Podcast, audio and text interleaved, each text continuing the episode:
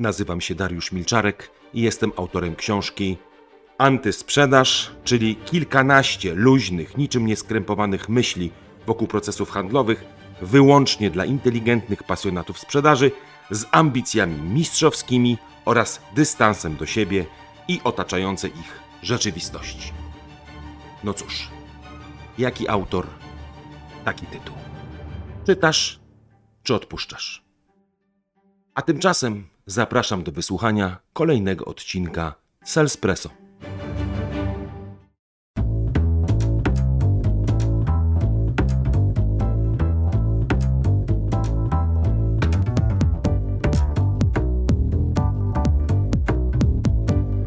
Cyk, cyk, cyk, cyk, cyk, cyk, cyk. Uwielbiam tak zaczynać. Godzina 9.09, a zatem już powiedziałbym standardowo, codziennie, rutynowo nasza poranna rozmowa, którą pięknie nazwaliśmy Salespresso.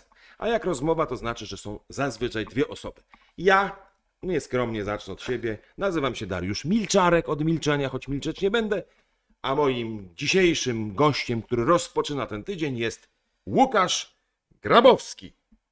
No i, Masz zap- no i zapomniałeś dodać jakiś taki onturaż wokół mojej To osoby. zaraz powiem, ale myślałem, że powiesz dzień dobry Państwu, jestem Łukasz Grabowski. Nie, bo licz trochę inaczej myślałem, że zaczniemy, że ty mnie najpierw przedstawisz, że ja się potem będę przedstawiał. No ale skoro nic nie powiedziałeś o mnie, to tak, faktycznie nazywam się Łukasz Grabowski i mam przyjemność prowadzić, No i co? no właśnie nie wiem co, no. Masz Prowadzi... przyjemność prowadzić razem ze mną i jeszcze z paroma kolegami firmę, która pięknie nazywa się Sandler Training Polska.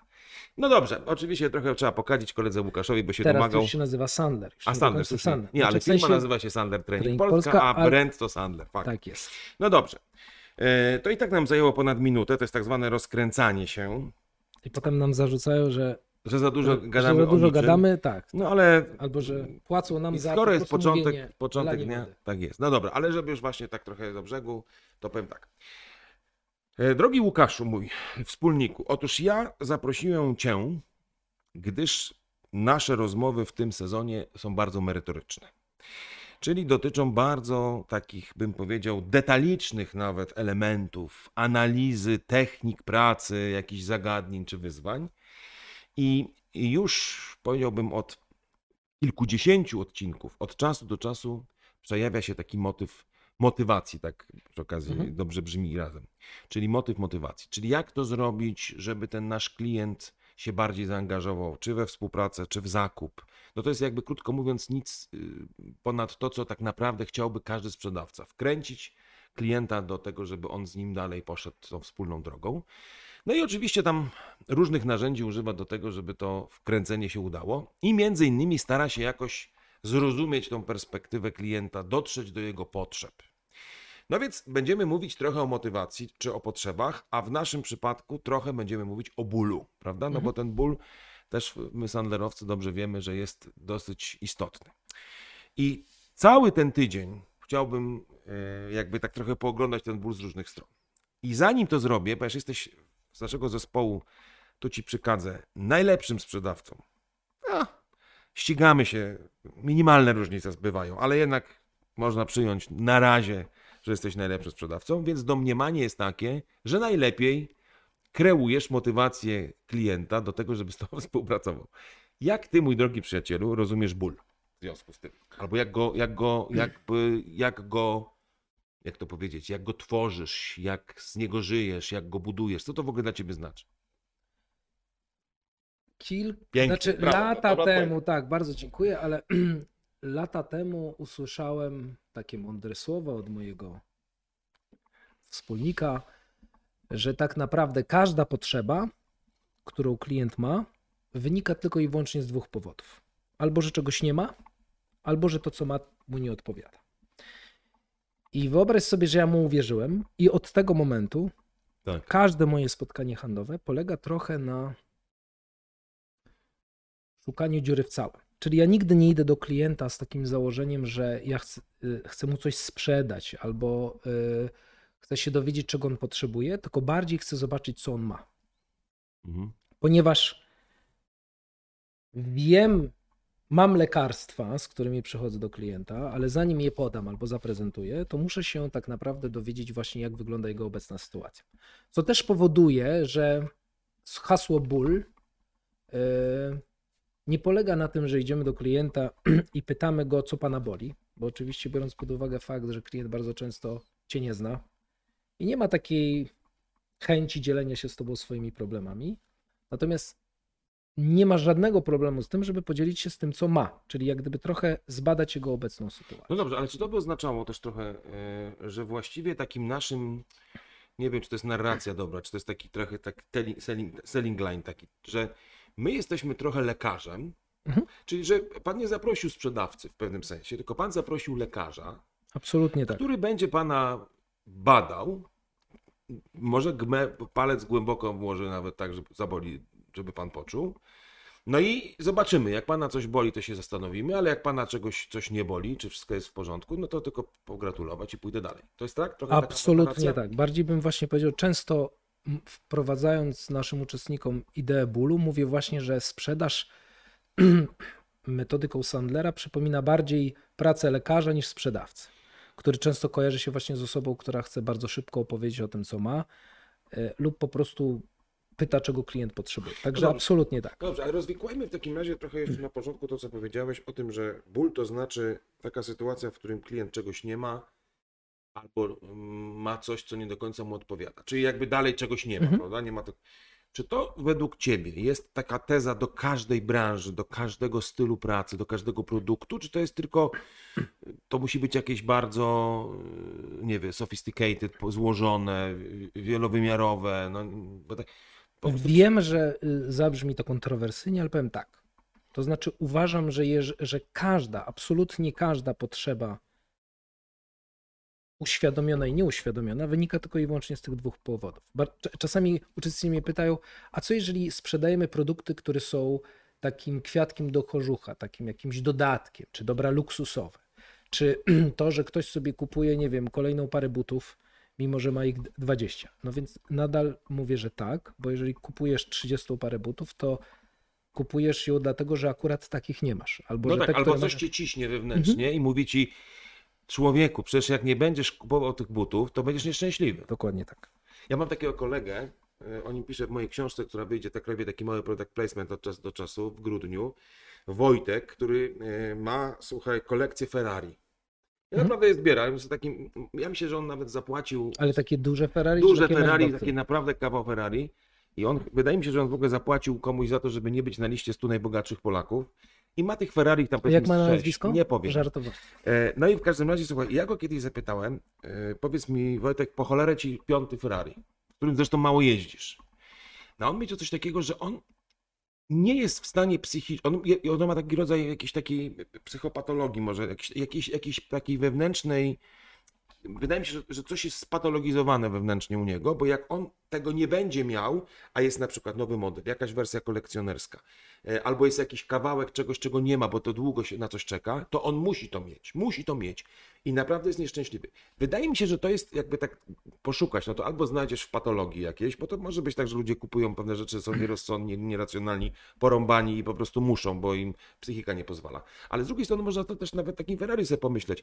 Jakiś inny Wojtek ma, Czyli mogę trochę mieć takie poczucie statusu, no nie, kurde, no ten ma, ja nie mam. Ty jak kupujesz mhm. na przykład nowy samochód, a ty jesteś w naszym e, zespole najbardziej porąbany, jeżeli chodzi o auta, czyli jakby najbardziej kochasz samochody, to też cię mogę zapytać, dlaczego ty musisz mieć, kurde, najlepszy silnik? Powiedz mi, dlaczego nie możesz tańszego rozwiązania mieć? Wolałbym o tym na wizji nie rozmawiać. Dobra. Nie się nie Natomiast, mówię, na, natomiast zacząłeś od słowa motywacja tak. i uważam, że moglibyśmy trochę spuentować tą naszą rozmowę wokół tego, że tak naprawdę ból albo dyskomfort jest najsilniejszą motywacją zakupową.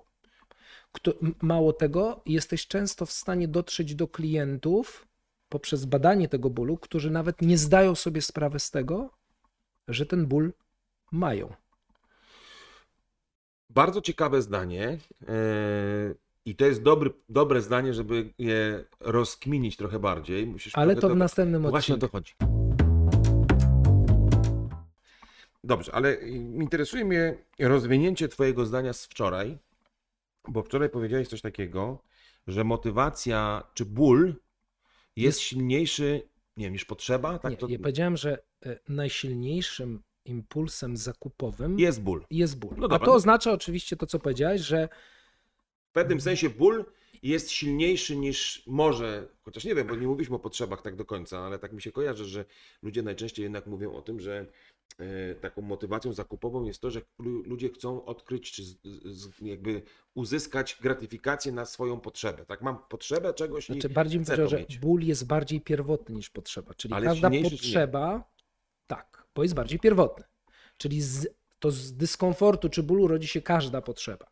O tym rozmawialiśmy. Dobra. Natomiast ja Rozwij. chciałbym dzisiaj jeszcze dodać to, że mm, y, motywacja od, czyli obawa przed Zagrożenie. zagrożeniem, utratą czegoś jest silniejsza niż motywacja do, czyli Do dążenia. Możliwe. No tak. Dlatego też, jak rozmawiamy o tym y, badaniu tego bólu, to jest to silniejsze, jest, y, silniejszy impuls, silniejsze emocje budzi, aniżeli rozmowa z klientem o jego potrzebach, czyli potencjalnie to, co chciałby uzyskać.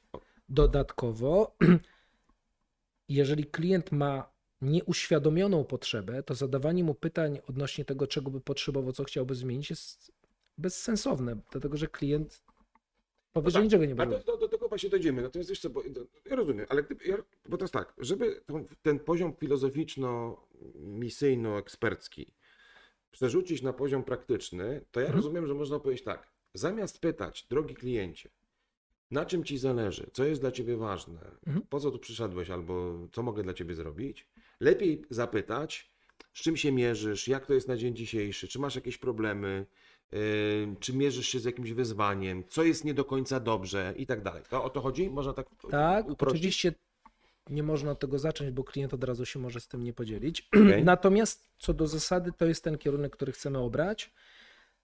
Yy, Mało tego, my jako sprzedawcy powinniśmy znać lekarstwa, z jakimi przychodzimy do klienta, a co za tym idzie, problemy, z jakimi klient może się, z jakimi może się mierzyć. Jeżeli jesteś ekspertem w sprzedaży l- y, jakichś leków, y, usług, y, produktów, to przede wszystkim powinieneś potrafić odpowiedzieć sobie na pytanie, które w moim odczuciu jest chyba najważniejszym pytaniem biznesowym. No. Jaki problem Twój produkt bądź usługa jest w stanie rozwiązać Twoim klientem? No rozumiem, ale to, bo to jest trochę już takie, jak, jak sobie z tym bólem pracować, no nie? To znaczy, no, bo ja rozumiem, że muszę trochę sprawdzać ten ból, na który mam rozwiązanie, no nie? No bo jakby pytanie ludzi, co cię boli, w czym jest Mhm. problem tak naprawdę, a nieposiadaniem y, jakiegokolwiek Bingo. y, rozwiązania jest Tak jest. idiotyczne, no nie? No bo Tak co jest. mi to da? Zgoda. Okej, ale czy to, to można powiedzieć tak, że, no bo teraz trochę to, to rozkminimy zaraz jeszcze.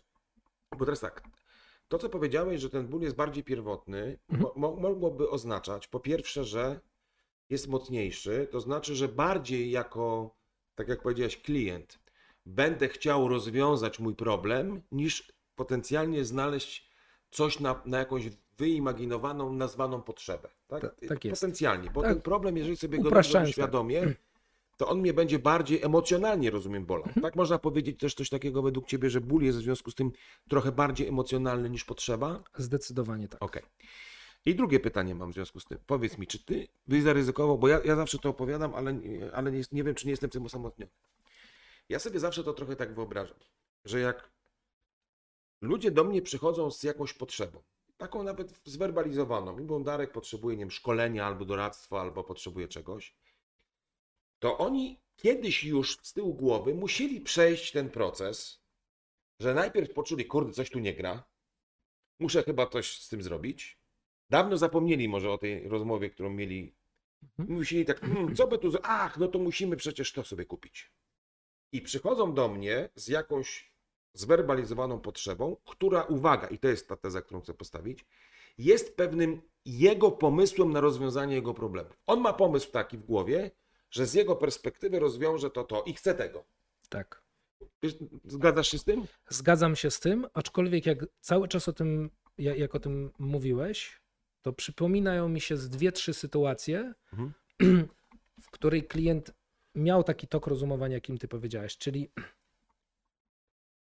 uzmysłowił sobie, że jego handlowcy mają problem z domykaniem sprzedaży. Mhm. W związku z tym przyszedł do mnie i powiedział: Słuchaj, mam potrzebę zrealizowania jakiegoś projektu rozwojowego Na domykanie. na domykanie sprzedaży.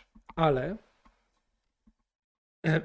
często handlowcy w tym momencie czują już krew na zębach i szykują się do sprzedaży produktu. Innymi słowy, teoretycznie można by powiedzieć: Dobrze, mam, Dareczku, proszę bardzo, szkolenie z domykania sprzedaży. Natomiast praca z bólem klienta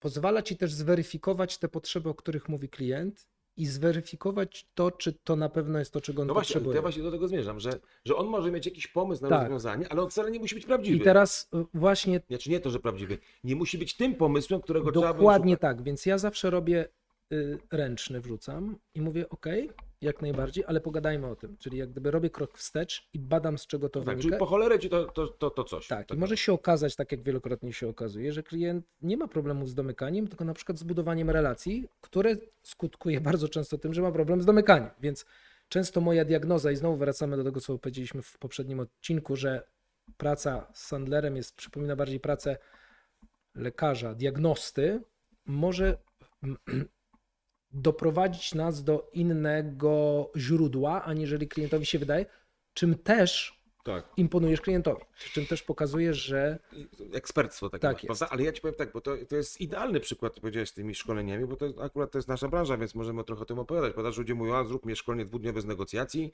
bo nie umieją domykać, tak? A się okazuje, że to nie o negocjacje chodzi, nie do domykania, tylko nie zrobił czegoś wcześniej, to do tego dojdziemy.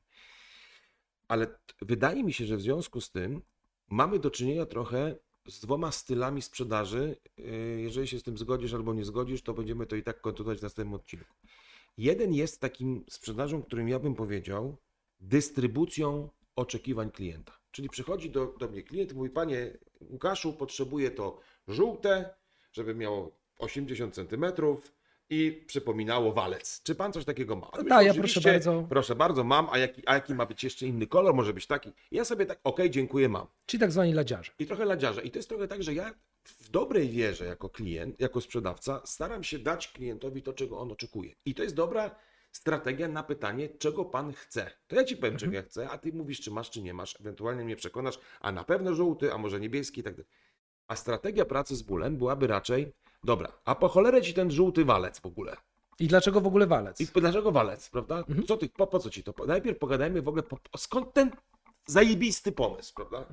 To jest trochę ta, ta strategia? Absolutnie tak. Bo- Mało tego, może już jestem zbyt przesiągnięty Sandlerem, trudno jest mi sobie wyobrazić branżę, w której, zwłaszcza w dzisiejszych czasach, wspomniani ladziarze, czyli dystrybutorzy oczekiwań, byliby bardziej skuteczni, aniżeli ta sprzedaż, jaką my nazywamy trochę konsultatywna.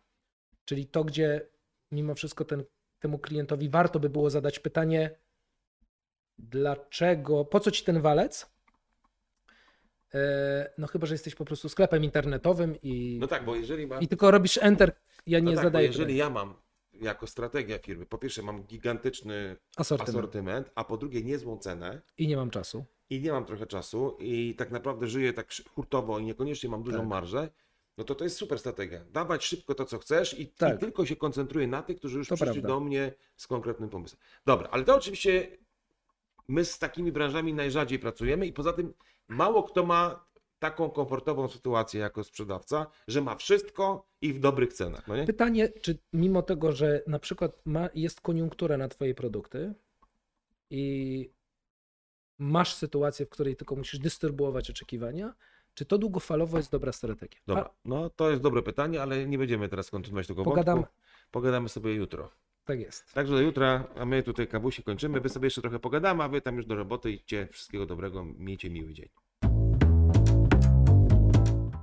Postawiłeś taką tezę wczoraj yy, w kontekście rozmowy o bólu, że długofalowo zawsze opłaca się, albo nie wiem czy zawsze, ty powiedziałeś, że zawsze, albo postawiłeś taką tezę, że może to jest dobra strategia, że zawsze, nawet jak masz gigantyczny, gigantyczną możliwość sprzedaży wszystkiego i realizowania oczekiwań klienta, który przyszedł, czyli jesteś ladziarzem, po naszemu trochę, to i tak opłaca się być konsultantem, czyli nie dawać wszystkiego, trochę zapytać, a dlaczego yy, i teraz się wy, wy, wytłumacz z tej, z tej koncepcji. Dlaczego tak uważasz, że to jest dobra strategia? Lepsza Dla- niż takie Dlatego, że myślę, że tak naprawdę wartością dodaną dla klienta jest poddanie wątpliwości często jego wyborów. Do czego zmierzam? Może tak trochę to sk- skomplikowałem, ale jeżeli handlowiec nie będzie zadawał pytań dlaczego, to zostanie zautomatyzowany. No bo jeżeli ja jako klient zrobiłem sobie badanie potrzeb i wyedukowałem się, nie wiem, w sieci i idę tylko po produkt, to jaka jest wartość ciebie jako sprzedawcy? No Czyli, dobra, to- czyli trochę esencją istnienia handlowca jest zadawanie pytania dlaczego. No dobra, ale to nie jest takie trochę, nie jest takie trochę sztuczne już w pewnym momencie, że to jest taka obrona mojej tożsamości albo moja, mojego, mojej racji bytu bardziej. No, że jakby klient przychodzi do mnie i mówi, dobra, panie, panie, panie Łukaszu, tą zieloną wędkę poproszę. A tak, zaraz, przyszedł pan do sklepu wędkarskiego, po cholerę panu wędkę. No, żebyśmy nie doprowadzili do jakiegoś absurdu. no Nie, Nie? oczywiście, ale, ale zawsze mogę zadać pytanie, dlaczego akurat ta wędka? No dobra. No Albo dobra. dlaczego akurat zielona? No dobrze, okej. I, i o, o to chodzi, że to nie chodzi o poddawanie wątpliwości, po co panu, po, po co pan w ogóle przyszedł do tego sklepu, No ale bardziej y, poddanie wątpliwości już konkretnego wyboru No dobra, ja klienta. rozumiem, że to, że, że jakby generalnie ty Mało tego, wiesz co ci powiem? To tak, y, to też może zabrzmieć kontrowersyjnie. Ja uważam, że klienci nie lubią podejmować decyzji. Nawet takie typy jak ty, które są takie ego, takie Licz się ze dominujące. słowami, bardzo cię proszę, na wizji zwłaszcza. Tak, y, to ty nie lubisz podejmować decyzji. Pozwól, że podam ci jeden przykład. Lat temu sześć przyszło mi kupić nowy telewizor.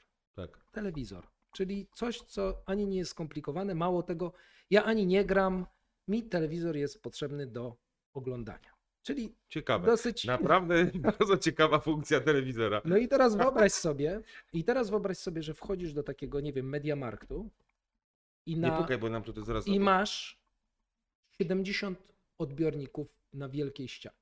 No. I co robisz? no nie, no znaczy wariuję, ale pytam, e, radzę się chyba, bo... Ale co radzisz? No idę do jakiegoś takiego łosia, e, który stoi, typa i mówię, panie typ, potrzebuję, że pan mi powiedział, który z tych 70 telewizorów będzie dla mnie dobry, powiem panu, czego właściwie szukam. Ale czy mogę powiedzieć, że masz pewien dyskomfort z tego, że nie wiesz, czym się kierować, mimo że to jest proste pudło?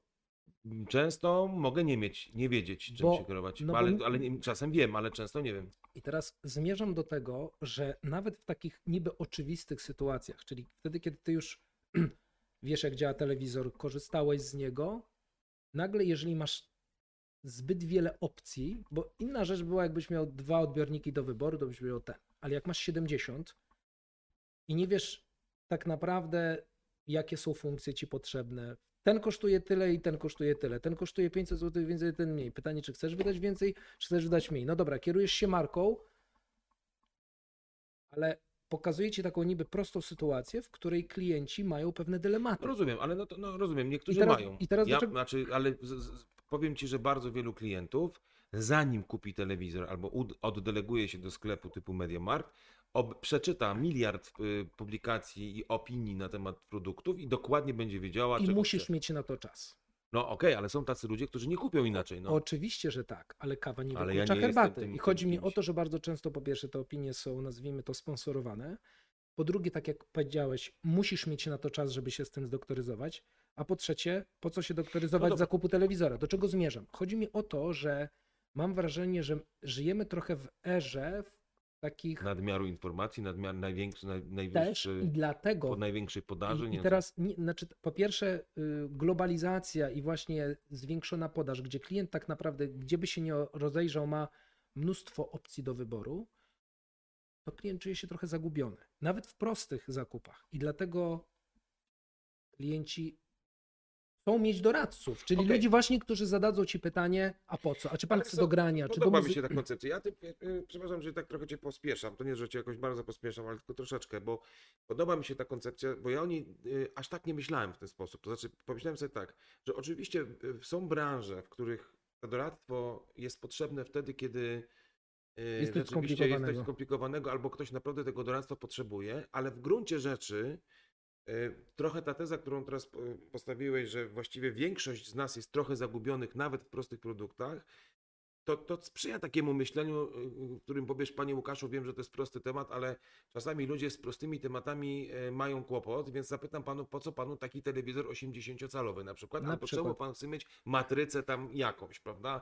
Yy, co- co- Dokładnie tak, bo ktoś kto mi powiedział, że powinno Tak. być QLED, a nie OLED, a co lepsze i Okej, i to Mhm. mi się podoba. To znaczy, że ja zakładam, że trochę rozmowa o bólu, oprócz tego, że ona ma swoją taką mm, pewien scenariusz i trochę już o nim powoli rozmawiamy, tą, tą, tą, tą istotę tutaj wy, wy, wykminimy, to jednak daje mi szansę naprawdę na takie bycie tym doradcą, nawet wtedy, kiedy ten ktoś pozornie tego doradztwa nie potrzebuje, ale doceni po, jakimś, po jakiejś chwili często. I tak? to jest świetne, co powiedziałeś, czyli badanie bólu, poza tym, że buduje taką eksperckość yy, sprzedawcy, to jest tą wartością dodaną, którą, której klient na początku może się często nawet nie spodziewać, a jak ją dostanie, to tym bardziej buduje i relacje, i zwiększa prawdopodobieństwo sprzedaży. Słuchaj, a to jest, to jest jedna rzecz, ale teraz pomyślałem sobie mm, o trochę takiej innej perspektywie. Myśmy, nie pamiętam już ile zdań temu,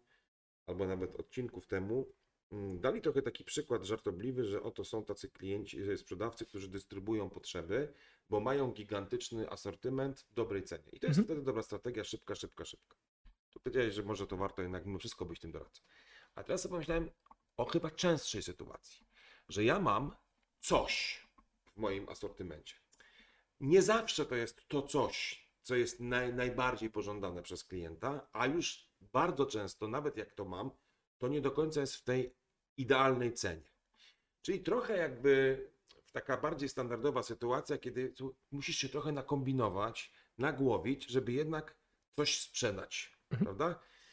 Najczęściej klient nie przyjdzie do ciebie, nie powie, panie Łukaszu, potrzebuję właśnie tego produktu i to jest ten produkt, który masz, tylko mówi pan, potrzebuję tego produktu, który może nawet też masz, ale to nie jest jakaś optymalna wersja rynkowa i prawdopodobnie na tym nie wygrasz. Ale gdyby chciał to drugie, no to wtedy byłoby ci łatwiej. I chyba ból wtedy będzie idealny do tego, żeby powiedzieć coś takiego. Dobra, panie Darku Łukaszu, fajnie, a po co, prawda?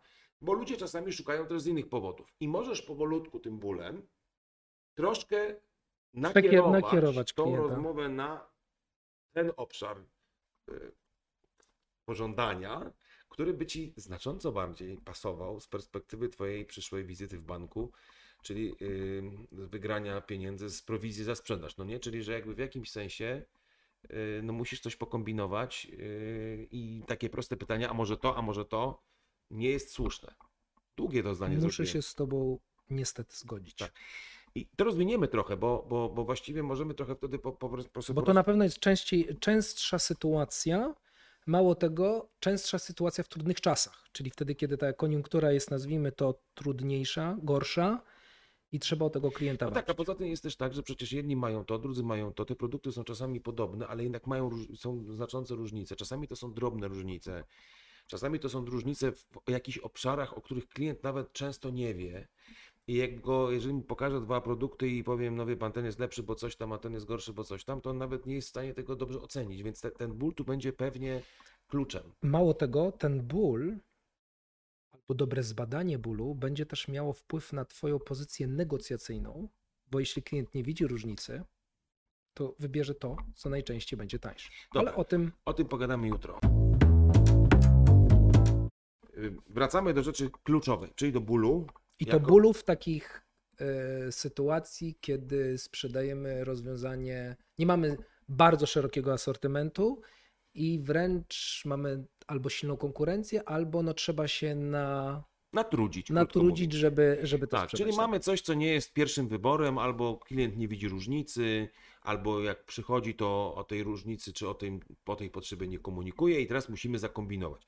Dla mnie najbardziej klasycznym sposobem pracy jest, a może hot doga, Do a tego. może kawę, prawda? Czyli, Mhm. że jak klient przychodzi do mnie, To jeszcze do niego strzelę, a może a może się- jednak te, te zielone by były dobre. On mówi, nie, panie Darku, dziękuję, do widzenia. Tak? To jest A, a czemu nie? Nie no, No nie, a to dobrze, to teraz jak, jak, to, jak, jak to się ma do tego ten ból według Ciebie? Czyli jak on może nam pomóc w takiej właśnie wyeksponowaniu, wydobyciu tej potrzeby na to coś, na czym nam szczególnie zależy? Przede wszystkim właśnie na poddaniu wątpliwości tej albo zdefiniowanej potrzeby klienta, albo zdefiniowanej sytuacji klienta, bo może być sytuacja, o której wspominałeś w poprzednim odcinku, czyli mamy klienta, który nie ma upatrzonego naszego rozwiązania. Mało tego, może mieć upatrzone inne i my żeśmy go jakoś tam zaczepili, żeby zwrócił uwagę też na, e, na naszą e, opcję. E, No i i dla mnie jedynym sposobem dotarcia do tego, czego on tak naprawdę potrzebuje, albo nakierowania go na moje lekarstwo, jest weryfikacja jego, jego dlaczego. Czyli w ogóle No, dlaczego czyli, poszukuje. Czyli co, co, czyli co, czyli co no, dlaczego, czy dlaczego to, na- na- bo, bo, bo to, tak? Czy? Akurat dlaczego na tym się skupił? Znaczy nie chodzi mi o to, żebyśmy teraz rozmawiali o całym lejku bólu, czyli lejku pytań, które Tak. prowadzimy z klientem, ale faktycznie jest tak, że mm, chcę, chcemy sprawdzić jego perspektywę. Mało tego, muszę ci powiedzieć, że zdarzają mi się branże, jaką jest na przykład branża farmaceutyczna, w której często klient ma do wyboru praktycznie takie same rozwiązania. Czyli ma jakiś paracetamol, polopirynę albo wszystko, co jest opakowane inaczej marketingowo, natomiast produkt Substancja aktywna jest ta sama. jest dokładnie taka sama. Mhm. I często tacy przedstawiciele mówią mi, to jaki tu jest ból klienta, albo jaki ból mój produkt rozwiąże lepiej niż konkurencji, skoro konkurencja ma praktycznie dokładnie to samo. I to jest idealny moment na to, żeby podejść do tematu potrzeby tego klienta trochę od drugiej strony. Czyli po pierwsze, najpierw zdefiniować, z jakimi on, on mierzy się wyzwaniami. Bo może być tak, poza oczywiście bólem głowy, ale e, na który to sam lek e, daje rozwiązanie, ale żeby sprawdzić rzeczy, które towarzyszą temu, tej całej procedurze rozwiązywania tego bólu, czyli w jakich sytuacjach, a dlaczego akurat y, ten produkt bierze. Czy są jakieś rzeczy, które w jakiś sposób wyróżniają albo powodują, że on wybiera ten, a nie inny. Czy miał już jakieś doświadczenia? Czy było coś, co chciałby zmienić? Dlaczego coś nie zadziałało? To są różne pytania, które mogą doprowadzić do tego, że jeżeli pokażemy klientowi trochę inną perspektywę, to możemy zmie- zmienić jego, nazwijmy to, nawyki, które często powodują, że klient sięga po jedno, a nie drugie No tak, rozwiązanie. ale za tym musi iść jednak takie myślenie chyba, że przecież nawet ten, ten, ten przysłowiowy lek farmaceutyczny, podobny, tak, z tą substancją podobną, się, czymś się jednak różni, tak? Mhm. Bo docelowo, no albo się różni jakimiś tymi do- dopychaczami, że są te są zbożowe, a te są jakieś, Mhm. albo jakąś trwałością, albo sposobem podania, albo, no, albo nie wiem, ma więcej tej substancji, albo mniej tej substancji, albo lepiej, lepiej się dawkuje, albo no musisz mieć jakieś różnice, To podam Ci przykład jednej sytuacji, którą miałem z. Pracowałem z firmą, która sprzedawała lek oryginalny. Jak wiesz, cała branża farmaceutyczna dzieli się na leki oryginalne i leki generyczne. e. No i właśnie przedstawiciele mówią, że dotyczyło to leku na jaskrę. Wiesz, co to jaskra. Wiem, babcia miała. I e, przedstawiciele powiedzieli, że tak naprawdę e, produkt ten generyczny, który jest naszą konkurencją, działa dokładnie tak samo. Jest jedna tylko różnica, że ten lek generyczny aplikuje się trzy razy dziennie, a ten na- nasz lek aplikuje się Dwa. raz, Raz. raz, ale dla pacjenta tego końcowego to jest żadna różnica, bo on i tak bierze kilka razy dziennie leki, więc to nie jest tak, że on o tym zapomni. No i co ty, Łukasz, na to?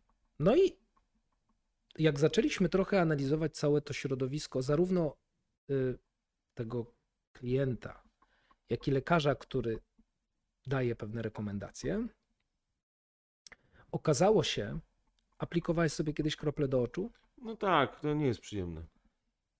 A czy jest inna specyfika leku? Że jak masz na przykład na y, takim leku napisane jedna, kropka, jedna kropla do jednego oka tam raz dziennie, czy tam ileś razy dziennie, to rzadko się zdarzy, że uda ci się utrzymać tą ilość, bo pierwszą to celujesz, druga ci pewnie poszła po powiece, to dla pewności Okej, wbijesz jeszcze jedną. Rozumiem, czyli szybciej zużywasz lek. I teraz, czyli coś, co teoretycznie jest nie ma większego znaczenia, że ktoś, y, ktoś aplikuje sobie trzy razy dziennie, ktoś raz dziennie, nagle zaczęło nabierać na wartości, zarówno ze względu na pacjenta, któremu się szybciej kończy lek, czyli musi iść po kolejną, jak również ze strony lekarza, który często, jeżeli wskaże, przepisze lek generyczny, który się aplikuje częściej, może doprowadzić do sytuacji, w której ten pacjent do niego wróci niezadowolony, panie, dałeś mi za mały lek, albo dawaj mi pan kolejny, a jeśli lek jest refundowany i należy się,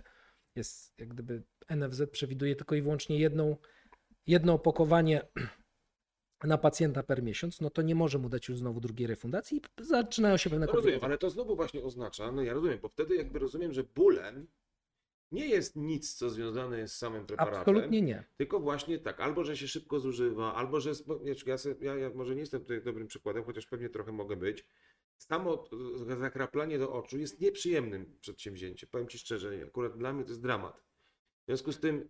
Yy, Dla ciebie mogłoby mieć znaczenie, ale, taki ale- dyskomfort, ale, ale- wolę, wolę raz mieć dyskomfort w ciągu dnia niż trzy razy mieć no tak, dyskomfort. ale jakbyś był osobą, która rozumiem, liczy każdy grosz, ma inną sytuację, no to No dla tak, ciebie to by tak. miało mniejsze znaczenie. Ale do czego zmierzam? To, co słusznie zauważyłeś, odstawiliśmy trochę na bok same leki i zaczęliśmy patrzeć na, na tego klienta, czyli na jego dlaczego, a nie na porównanie tylko i wyłącznie dwóch. e, Okej, no to ja rozumiem, ale to co to oznacza, że ja jeżeli chcę gdzieś trochę wzbudować wartość mojego produktu w oczach klienta I po- zbudować motywację. i zbudować motywację, to po pierwsze muszę się trochę przyjrzeć tego jego why, prawda? Dlaczego ja Tak. to kup- yy, chcę to mieć. Muszę trochę zobaczyć szerzej i zobaczyć, jaką wartość potencjalnie mogę dać w tym moim preparacie. Na przykład, tak jak mówiłeś, że tam załóżmy, że jest bardziej oszczędny ostatecznie, i zamienić to trochę na ból Dokładnie tak. i sprawdzić ból. Tak? No bo to jest klucz. O tym będziemy I w zresztą- niektórych przypadkach nawet zmonetyzować ból. Dobra, ale to już, do tego, to, już, to już w ogóle, to już jest stary, to już jest jakaś w ogóle e, No, e, pojęcie. W następnym odcinku dramatyczne. pokażę Ci, że nie jest to tak skomplikowane, jak może brzmieć. Czyli ta monetyzacja, pokazanie skali problemu jest tak naprawdę kluczem do No postawienia kropki na D i do mm, to wzbudzenia tej motywacji. bardzo jestem ciekaw, zrobimy to na pewno. Mam nadzieję, że to trochę zaciekawiło też Was.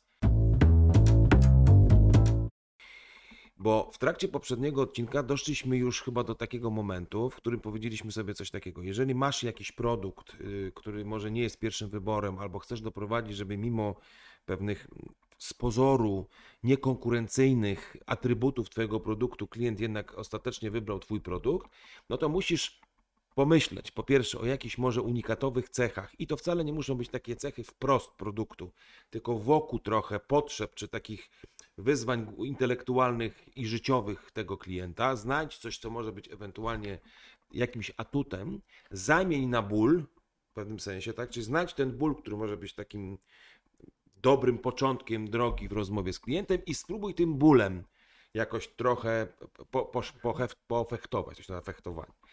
Ale jak? No bo teraz tak, wyobrażam sobie taką, mówiliśmy sobie o, akurat o leku ostatnio na jaskrę, ale to nawet nie o to chodzi. Wyobrażam sobie taką sytuację, że klient przychodzi po produkt X i mówi, panie Łukaszu, szukam produktu X. A ty byś chciał mu zaproponować produkt Y Mhm. i jesteś świadom tego, jakie ten produkt Y ma jakieś unikatowe cechy, ale przede wszystkim już wiesz, jakie potencjalne bóle jeszcze mógłby roz, rozwiązać. Oczywiście o tych bólach w tej rozmowie z klientem nie było w ogóle mowy. To co my możemy zrobić teraz jako ten, ten sprzedawca? Jak ten ból uruchomić właściwie w rozmowie? Co zrobić, żeby... No tak na szybko mamy naszą historię z drugiej ręki, którą możemy klientowi przemycić właśnie te bóle, czyli powiedzieć y, panie, panie Dariuszu, a z doświadczenia wiem, że często osoby, które muszą stosować krople do oczu, skarżą się, że jest to dla nich duży dyskomfort i tak naprawdę chcieliby jak najbardziej jest to możliwe zmniejszyć ilość tych aplikacji, tego leku. Jestem ciekaw, jak to jest u Pana.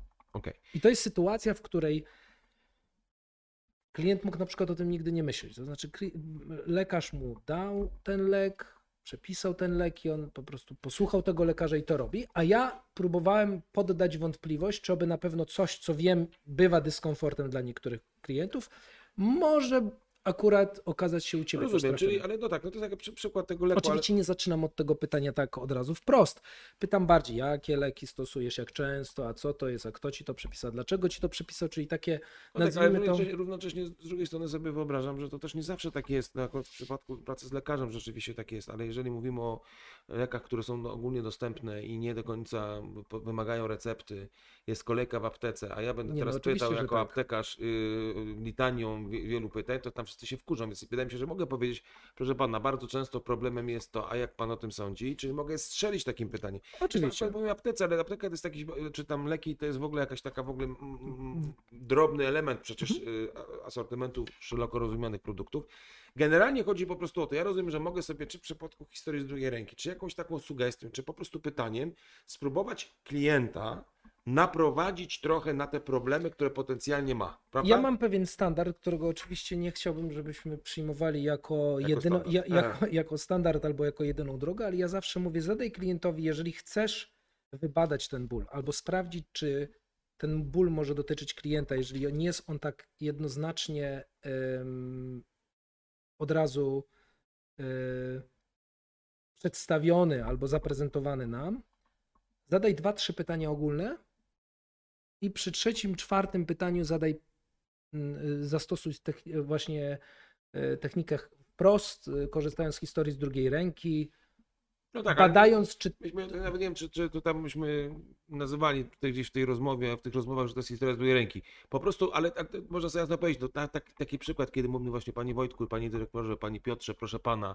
z doświadczenia wiem, że osoba, która ma cztery Ferrari, tak, e, czasami Mm, skarży się, że że akurat tam, nie ma jed- takiego modelu. Jestem ciekaw, jak to jest no u tak, tak, tak. Nie, ale właśnie szukanie pewnych bóli, rozumiem, to jest, tylko widzisz, to jest, co jest w tym bólu tutaj ważne.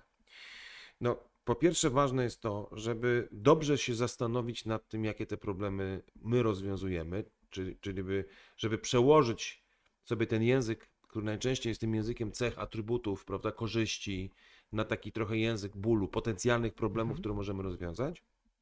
I chyba druga rzecz ważna w takim, w tej sytuacji, którą, o której rozmawiamy, to jest to, że z jakiegoś powodu, może właśnie dlatego, że ból jest bardziej pierwotny, a ja bym jeszcze powiedział, że jest bardziej wkręcający i bardziej neutralny, Jest bardziej emocjonalny. jest bardziej emocjonalny też, lepiej zacząć od bólu niż produktu. Bo popatrz, z drugiej strony można sobie wyobrazić taką sytuację, że ktoś przychodzi i mówi, proszę pana, przyszedł pan po produkt C, ale ja panu zaproponuję, zanim ten produkt C, to zaproponuję panu produkt D. Zaproponuję go dlatego, że on jest lepszy w tym, w tym i w tym, prawda? Czy pan byłby zainteresowany? Czyli takie trochę, a może hot doga, a może kawę, a może coś tam.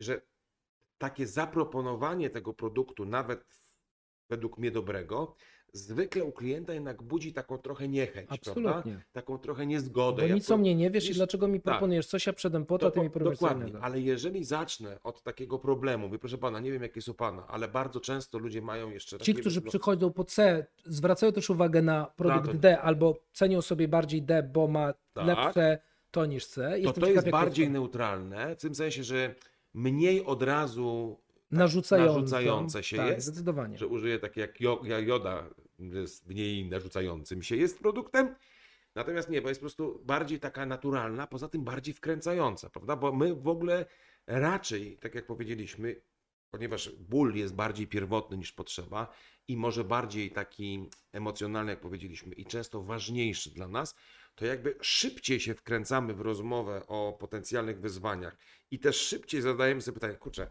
a może rzeczywiście mam ten problem? Czy ja mam taki problem? Cholera, może rzeczywiście mam taki problem. Jestem bardziej otwarty w rozmowie z klientem, e, ze sprzedawcą, prawda, nie z klientem, jako klient ze sprzedawcą, na taką dywagację o moich potencjalnych problemach, niż na to, żeby rozważyć na dziś atrybuty produktu, który mi proponujesz jako alternatywny. No Tak nie? jest. Pełna zgoda. Dobra. Okej, ale oczywiście wydaje mi się, że jedna sprawa to jest w ogóle umiejętnie podsunąć klientowi odpowiednie bóle. Ale przecież to nie wystarczy do tego, żeby klient uznał, że tego chce. Ten ból musi w, w nim jakoś Rezonowo. rezonować i musi tak jakby roz... To się dowbuch nazywa, taki dowbuch, czy I- taki do środka. On musi Mhm. wybuchnąć, nie? On musi poczuć jakby wagę tego bólu, no bo inaczej jak nie będzie czuł tej wagi, to dlaczego miałby uznać, że to jest w ogóle ból, którym on chce sobie zawracać głowę? I dlatego zasianie ide idei tego bólu to jest jedno, ale wyskalowanie, uzmysłowienie klientowi, monetyzacja tego bólu twoje słowo monetyzacja. to jest tak naprawdę klucz do wzbudzenia pożądanych przez nas emocji u klienta. Okej, a jak mówisz monetyzacja, to ma, to, bo, bo dzisiaj nie, nie rozwiążemy tego tematu do końca, ale tak trochę próbuję to, to, to, to, to bo mo- monetyzacja zawsze mi się kojarzy wyłącznie z pieniędzmi, Mhm. prawda? że to jest tak jakby zobaczenie, czy nie wiem, takiej wagi finansowej tego. To, to masz na myśli wyłącznie? Nie. Monetyzacja, która bardzo często wiąże się z jakimiś konsekwencjami oczywiście finansowymi, dlatego została nazwana monetyzacją, ale monetyzacja w swojej esencji polega na wyskalowaniu, z jednej strony uzmysłowieniu klientowi skali jego problemu, z którego bardzo często sobie nie zdaje sprawy. I w następnym odcinku opowiem Ci taki bardzo prosty, ale też y, chyba najlepiej e- eksponujący e, przykład monetyzacji, jaki, jaki zrobiłem bezpośrednio z klientem, który przede mną. Ach, no dobra, to dobra. wróćmy do. wróćmy do, wróćmy do naszego... Monetyzacji. Do monetyzacji, tak, czyli bo- coś, co miałem wrażenie wzbudziło w tobie taki. Nie, nie wzbudziło do końca, tylko wiesz co, ponieważ użyłeś słowa monetyzacja, ja- rozumiem oczywiście to słowo, chociaż ono jest bardzo takie mocno finansowo kojarzące się, będziesz o tym mówił, natomiast to, co chyba warto, żebyśmy sobie na wstępie tylko powiedzieli yy, i przypomnieli może. Cały ten ból będzie działał dobrze wtedy, kiedy on będzie miał dla kogoś znaczenie, czyli dla tego klienta będzie miał znaczenie. Tak. Czyli nasza druga część pracy, po pierwszej, która polegała na tym, żeby w ogóle, że tak powiem, ukierunkować jego uwagę na jakiś tor, który wydaje nam się istotny z perspektywy naszego produktu czy rozwiązania, czyli ten, nazwijmy go, optymalny ból, no to teraz przy założeniu, że coś jest na rzeczy, dobrze byłoby go teraz jakoś tak ugruntować, zaszpachlować, wbić do środka, pozwolić podoświadczać. No i tutaj rozumiem, monetyzacja jest jednym z sposobów. Miałeś jakoś opowiedzieć historię y, o jakimś swoim niezwykłej interpre- interwencji handlowej. Proszę, proszę Państwa, Historii? Łukasz będzie opowiadał historię. dawaj, dawaj. Chciałem sobie zażartować w kierunku kolegi, który zajmuje się opowiadaniem historii, ale oczywiście tego nie zrobię, bo go bardzo cenię. Dobra, ale wróćmy do, do tej historii. No więc przyszło mi szkolić dział marketingu w jednej z firm budowlanych, którą której wcześniej przeszkoliliśmy już całe wszystkie działy możliwe sprzedaży. No i jako często taka konsekwencja i postawienie kropki nad i, żeby marketing mówił tym samym językiem, co sprzedaż, jest wyszkolenie działu marketingu, oczywiście tylko w jakimś tam okrojonym, w okrojonej części. No i takim przeważnie takim elementem, który serwujemy tym naszym klientom w dziale marketingu jest właśnie ból. No i szkolenie e, e, odbywało się w takiej e, w lokalizacji, gdzie, był, gdzie była produkcja pod Warszawą. No i akurat szef sprzedaży, dla którego głównie było to szkolenie, spóźnił się. I Mhm. tak spóźnił się konkretnie i tak wszedł i mówi, dobra, szybko wprowadźcie mnie w temat, przepraszam za spóźnienie.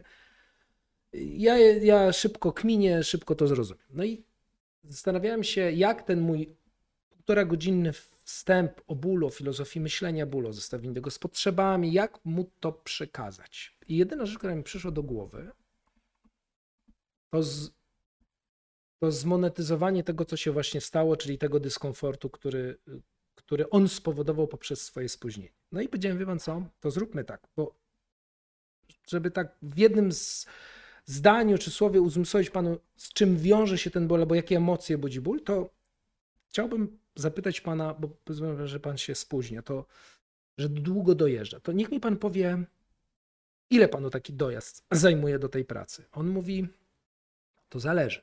Czy jadę do naszej delegatury, która znajduje się y, tutaj na popularnym Mordorze, czy tu do fabryki, gdzie. A mówi, no, ja mówię, no to w oba przypadki proszę powiedzieć. On mówi, no, że jeżeli jeździ ze swojej jakiejś tam podwarszawskiej miejscowości do e, centrum, znaczy do, do, na Mordor, to godzinę, a jeśli do fabryki, to dwie.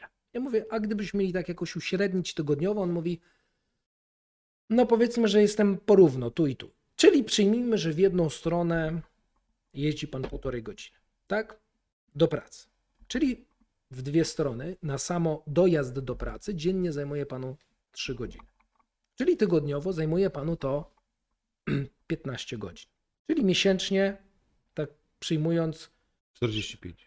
60, no bo masz 4 A, tygodnie. masz rację, tak, 4 tygodnie. Mhm. Czyli rocznie 720 godzin.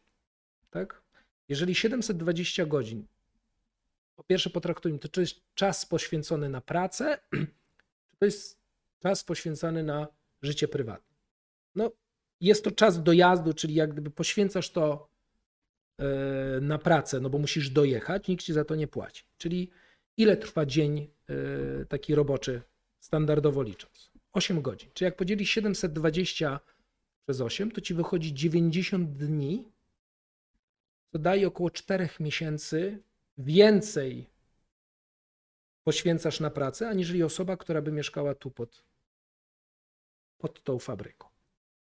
No i teraz pytanie, czy ta monetyzacja, ta skala budzi w Panu jakieś emocje pod tytułem Boże, cztery miesiące więcej pracuje, aniżeli osoba, która ma pracę pod domem albo pracuje z domu.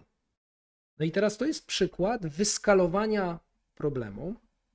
Oczywiście dla kogoś może ten problem wzbudzić pewną, pewne emocje pod tytułem ile ja czasu tracę, ile ja czasu mógłbym poświęcać na coś innego, ale może być też tak, że ten klient powie, Nie przeszkadza mi to. nie przeszkadza mi to, bo po pierwsze dzwonię, po drugie No e, bardziej sobie cenię te jelonki pod moim e, ogrodem, aniżeli to, że tyle muszę No tak, ale to znaczy, krótko mówiąc, bo to, bo to yy, można powiedzieć tak, że, że żeby ten ból, on dla mnie ożył, czyli stał się realnym motywatorem, czynnikiem zmiany. motywu do zmiany, jakiejś zmiany, to ja muszę sobie trochę uświadomić koszt, szeroko rozumiany, koszt tego bólu, czyli co się stanie, jak ja tego nie rozwiążę, ile on mnie kosztuje w czasie, Tak. pieniądzu, Dokładnie tak. w jakiejś takiej może I bardzo opinii. często jest tak, że oczywiście to był jakiś prosty przykład i myślę, że ten dyrektor absolutnie był świadom tego, że długo dojeżdża do pracy i jest jakiś koszt, który chciał ponieść, a konto właśnie korzyści, które ma z mieszkania tam pod lasem koło Jelonków.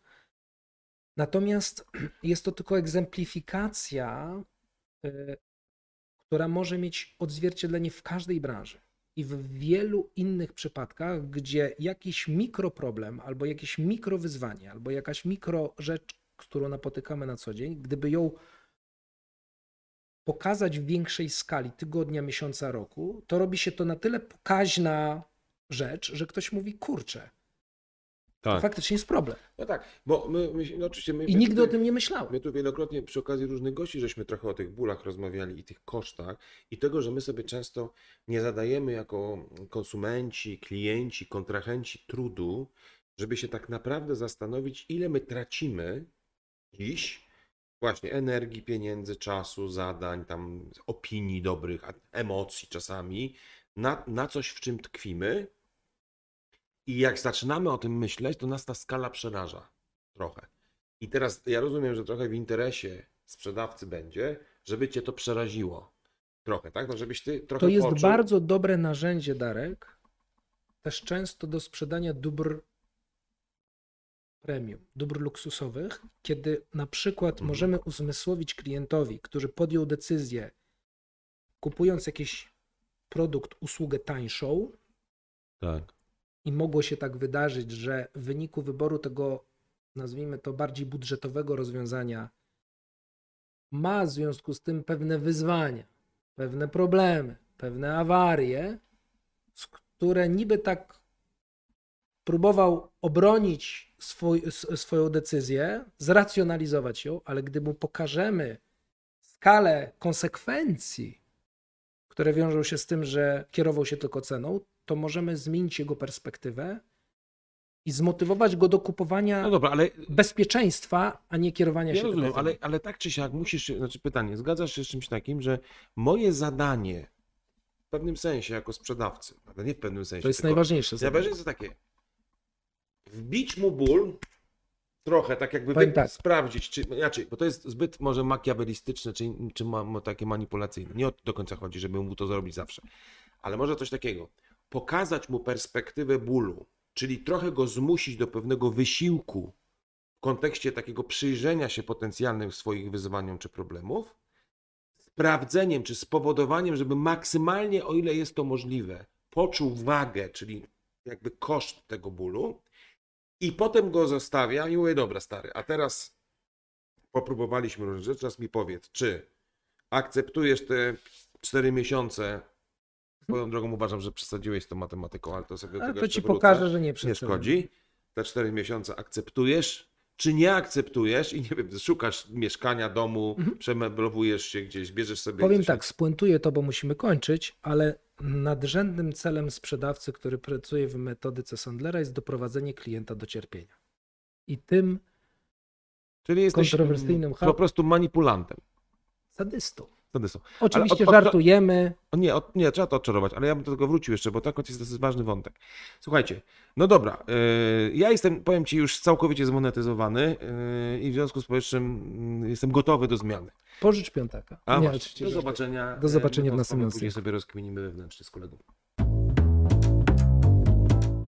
Słuchajcie, y, znaczy słuchajcie, no, ty słuchaj kolego po pierwsze. y, Myśmy w trakcie ostatniego spotkania trochę postawili taką może, no nie do końca kontrowersyjną, ale może taką mocną tezę, że najważniejszym zadaniem sprzedawcy Sandlera jest po prostu wbić kołek naszemu klientowi i spowodować, żeby cierpiał. I ty jeszcze bardzo mnie dotknąłeś, mówiąc, że jestem manipulantem. A ja chciałbym dzisiaj porozmawiać o tym, że wcale nie jestem manipulantem. I mimo, że to może brzmieć jak manipulacja, to wcale nią nie jest. Znaczy, nie, słuchaj, nie przesadzam, ja bym się tak w ogóle nie wyzdrygał. I mam wrażenie, że jest mnóstwo teraz takich pojęć w tak zwanym, powiedzmy, okolicznościach społecznych, że się ludzie cykają coś powiedzieć. U, bo to, to, to nie wypada, to wypada. Znaczy, No, manipu- manipulacja w swojej definicji nie jest zła, ona ma złą łatkę. masz łatkę. Znaczy, dobra, umówmy się, że wywieranie wpływu. No, sprzedaż jest jakimś sposobem na to, żeby ktoś Żeby zrobił coś. skórę, oczywiście, prawda? tak. Ja myślę, że problem polega zawsze na tym, kiedy ja próbuję, czy mam złe intencje w tym sensie, że spróbuję jakiś taki, wiesz, taki, tak, tak, taki zrobić jakiś, y, taką sytuację, kiedy ty czegoś nie chcesz, nie potrzebujesz, nie rozumiesz, a ja ci to po prostu jak głupi wciskam. Do tego nie chcemy. Tego to, to się nie zgadzamy. Ale myślę, że warto po- podkreślić, że mimo tego, że ten ból, czy kreowanie tego bólu, albo, albo jakoś takie sprawdzanie i kreowanie tego bólu, czy takie, takie dociskanie trochę jest istotne, no bo to daje taką szansę, no żeby właśnie ten klient się trochę skonfrontował z tym, tym, tym swoim negatywnym obrazem. Tak, ale badanie bólu, bo mówię, chciałbym wrócić do tego, co powiedziałeś, nie polega na tym, żeby zadać klientowi pytanie, czy zdrowie pana dzieci nie jest dla pana ważne. To, to nie jest badanie bólu. Natomiast to, co słusznie Tak, teraz powiedziałeś, że to jest bardziej nakierowanie klienta na pewne, pewien obszar, z którego mógł sobie nie zdawać sprawy i poddanie wątpliwości albo zada, pod zadaniem jemu pytania, czy ten obszar w związku z tym i wnioski, jakie wyciągnęliśmy, to jest dla niego problem, czy nie? No. Tak jak na tych czterech godzinach, bo ja, wracając do przykładu, który ci podałem, nie, zało nie założyłem od razu, że to jest dla klienta problem. Ja bardziej nakierowałem go, uzmysłowiłem mu pewną skalę, bo wiedziałem o co pytać, jak budować to wyobrażenie te, tego problemu. Ale ja nigdy rozmawiając z klientem nie zakładam, że to na pewno będzie jego problem. Ja po prostu wiem, znam obszary, które moje usługi jako to lekarstwo przeciwbólowe rozwiązują. I moim celem jako sprzedawcy jest dotknąć tych obszarów, pokazać ci je, poprzez pytania odpowiednio zbudować te, te, to wyobrażenie, a to, czy będziesz chciał z tego skorzystać, czy pójdziesz w to, czy to wzbudzi w tobie pewne emocje, to trochę zależy od ciebie. No tak, ale to, to jest właśnie moim zdaniem yy, to, co powiedziałeś teraz, to jest to chyba jest tak, takie, takie credo sandlerowskiego myślenia o, o sprzedaży. Tak? Czyli ja oczywiście jako ten diagnosta trochę cię wprowadzę w sytuację trudną może dla ciebie trochę, bo cię skonfrontuję z twoimi dolegliwościami, zobaczymy twoje symptomy, wkładam palucha tam w te rany, po- podotykam tych kości, czy one w ogóle są. Może cię nawet to boleć, ale jak już to sobie zrobimy, to potem ty musisz zdecydować, czy to jest droga, którą chcesz zmieniać, czy, ta dolegliwość jest na tyle dla ciebie trudna, że Błaha, coś byś ale może albo- być też błaha, albo że błaha, nie chcesz jej zmieniać. Ale to wszystko ma sens wtedy, kiedy rzeczywiście ja mam jako handlowiec, czyli ten lekarz, takie poczucie, ty decyduj, naprawdę. Tak. Ja oczywiście mam fajne rozwiązanie, które chętnie ci zaaplikuję, ale to nie na siłę, kolego, tak? Dobra, i, i to jest, musi to wybrzmieć, ale jest jeszcze jedna ostatnia rzecz, którą chciałbym w tych rozmowach z tobą poruszyć. Mianowicie, bo ta rozmowa o bólu jakoś jest uniwersalna, mówiliśmy, prawda? Że w Mhm. różnych sytuacjach, w różnych branżach, w różnych tam typach sprzedaży yy, i, i, i jakby w różnych takich stylach komunikowania się, się mieści. Ale jednak można rozróżnić trochę dwie branże, czy dwa typy branż. Jedna to jest taka branża, w których ból jest teraz. Czyli ja mogę sobie powiedzieć, jak jest u Pana, z czym się Pan mierzy, co Pan tak naprawdę realizuje, trochę go jakby dotknąć, przeanalizować, prawda? Zobaczyć, jak to było do tej pory. Ale są też takie branże, które tego bólu nie mamy, nie mają, albo mówią o bólu w przyszłości. Najprostszą branżą jest ubezpieczenie, prawda? Gdzie ja nie Mhm. mówię o tym, że ja coś doświadczyłem. Okej, mogę dać jakiś przykład, czy zna Pan kogoś, kto tam coś doświadczył, Mhm. ale tak naprawdę bardzo często ja niczego jeszcze nie doświadczyłem złego, więc nie mogę powiedzieć, że coś tam się dzieje, ale mogę się odnieść do czegoś w- potencjalnie w przyszłości. Czyli jakby mogę trochę się zastanowić, słuchaj, wyobraźmy sobie jakąś sytuację, że coś się dzieje. I teraz dopiero mi powiedz, jak ty jesteś przygotowany na tą sytuację. Czy ona na przykład, jak, jakby trochę sobie narysuj. Na przykład często się używa takiego w takiej pracy z bólem, takiego pojęcia, jak jest trochę w bankach, stres test. Czyli stres test polega na tym, że robisz taką kontrolowaną wtopę i patrzysz, co się tak naprawdę wydarzy, prawda? Jak ona się, nie wiem, zatrzymujesz system, wyłączasz jakiś element i nagle coś się dzieje. No i ten stres test polega na tym, żeby zobaczyć, jak zadziała system w sytuacji trudnej. No to tu też jest trochę tak. Wyobraźmy sobie pewną sytuację, panie Łukaszu. Ale y, I zobaczmy, jak to może dalej wyglądać. I ten tak. stres test jest takim elementem. Inaczej, znaczy mówię, jest pewna kategoria produktów, którą trzeba tak trochę sobie zwizualizować na przyszłość. Oczywiście, że tak. Natomiast nawet jeżeli sprzedajesz produkty albo rozmawiasz o bólu w przyszłości, to trochę rozmawiasz o pewnych emocjach dzi- w dniu dzisiejszym. No, jeżeli je właśnie sobie trochę tak Czyli na przykład poczuciu bezpieczeństwa. Przecież generalnie bez, poczucie bezpieczeństwa lub poczucie niebezpieczeństwa bardzo często wiąże się z czymś, co jest w przeszłości, czyli obawa przed zawsze linkuje się na przyszłość. Tak. A to jest teraz. No tak, ale właśnie pod warunkiem, że sobie trochę to wyobrazisz. No bo załóżmy, że sprzedaję jakieś rozwiązanie emerytalne, prawda? Mhm. No to ja, ja go nie czuję, mam 28 Ale lat. to ja ci, prawda? przepraszam, wrócę. y, I teraz nie, bo chodzi o to, że to jest muszę brać. Dobra, wyobraźmy sobie, że na dzień dzisiejszy, przy tym co masz, wchodzisz na przykład w stan. Co masz? Podam ci przykład, korzystasz? taki, który mi szybko przychodzi do głowy. Znowu wrócę do mojej ukochanej farmacji. Szczepionka przeciw kleszczowemu zapaleniu e, mózgu. E, prawdopodobieństwo, że kleszcz, który cię ukąsi, będzie to miał, oczywiście to tam z perspektywy lat e, jest coraz częstsze, natomiast mimo wszystko ten procent jest bardzo znikomy to wyobraź sobie, że 30-40% kleszczy przenosi boleriozę. Teraz pytanie, czy powinieneś się na to szczepić, czy nie? Jeżeli ja ci powiem obawa przed, No tak, tak, ale ja sobie muszę. czyli no, bywasz w środowiskach, w których ten kleszcz może cię ukąsić, nigdy ci na przykład No nie tak, a to jest ukąsił, właśnie przykład na to, jak ładnie można trochę wyprojektować pe- pewnego rodzaju, pewnego rodzaju niepokój, bo ja mówię o takich sytuacjach, że na przykład jeżeli ja sprzedaję jakieś rozwiązanie i ten ktoś używa na dziś jakiegoś rozwiązania innego, w związku z tym ja mogę sobie historycznie popatrzeć, co się u niego działo, z czego korzystał, jakie ma potencjalne problemy, mogę trochę zacząć te bóle w nim jakby trochę poanalizować z perspektywy historycznej to w przypadku, tak jak trochę powiedziałeś, n- niektórych produktów, ja trochę muszę spróbować spowodować, żebyś ty teraz sobie zaczął czuć coś, pewien niepokój, obawę, która realnie może się wydarzyć w przyszłości. Dlatego, znaczy absolutnie zgadzam się z tobą, że inaczej sprzedaje się produkty, które dotyczą, które linkują się z jakimiś doświadczeniami teraz, a inaczej z Tak. produktami czy usługami, które będą w przyszłości. Natomiast jeden mianownik jest wspólny.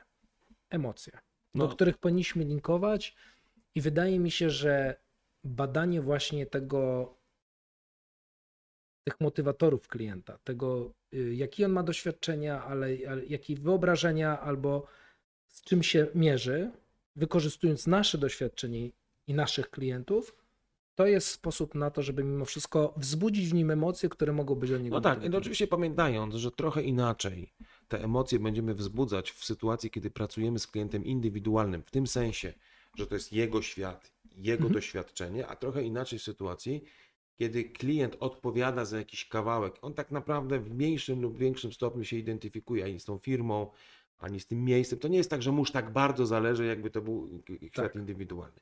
Więc, ale zawsze te emocje jakoś powinny być.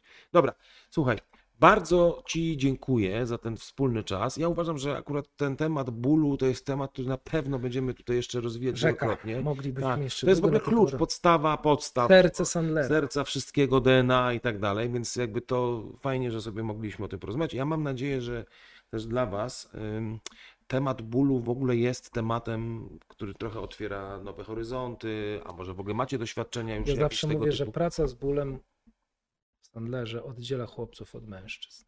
Czyli Idziesz ci, kto takim- potrafią idziesz takim, idziesz takim, z a bólem. idziesz takim po prostu seksistowskim jakimś tak, dlaczego? fa- facet. Dziewczyny od kobiet? No, ale to Zabrakło powiedziałeś- ci tego? No, No, to no. chłopców od mężczyzn. Mi tak kiedyś... E, trener lubisz takie problemy. Ja tak. ci powiem szczerze mówiąc, ja też takie lubię. Po prostu chodzi o to, że, że jednak jest to taki, taki element y, pracy handlowej, który naprawdę daje nową trochę przestrzeń do. Jest milowym krokiem w zwiększaniu efektywności na pewno. I tym kończymy, żeby już trochę nie przesłodzić tego tematu. Także dziękuję Ci jeszcze raz. Do Dzięki zobaczenia. wielkie.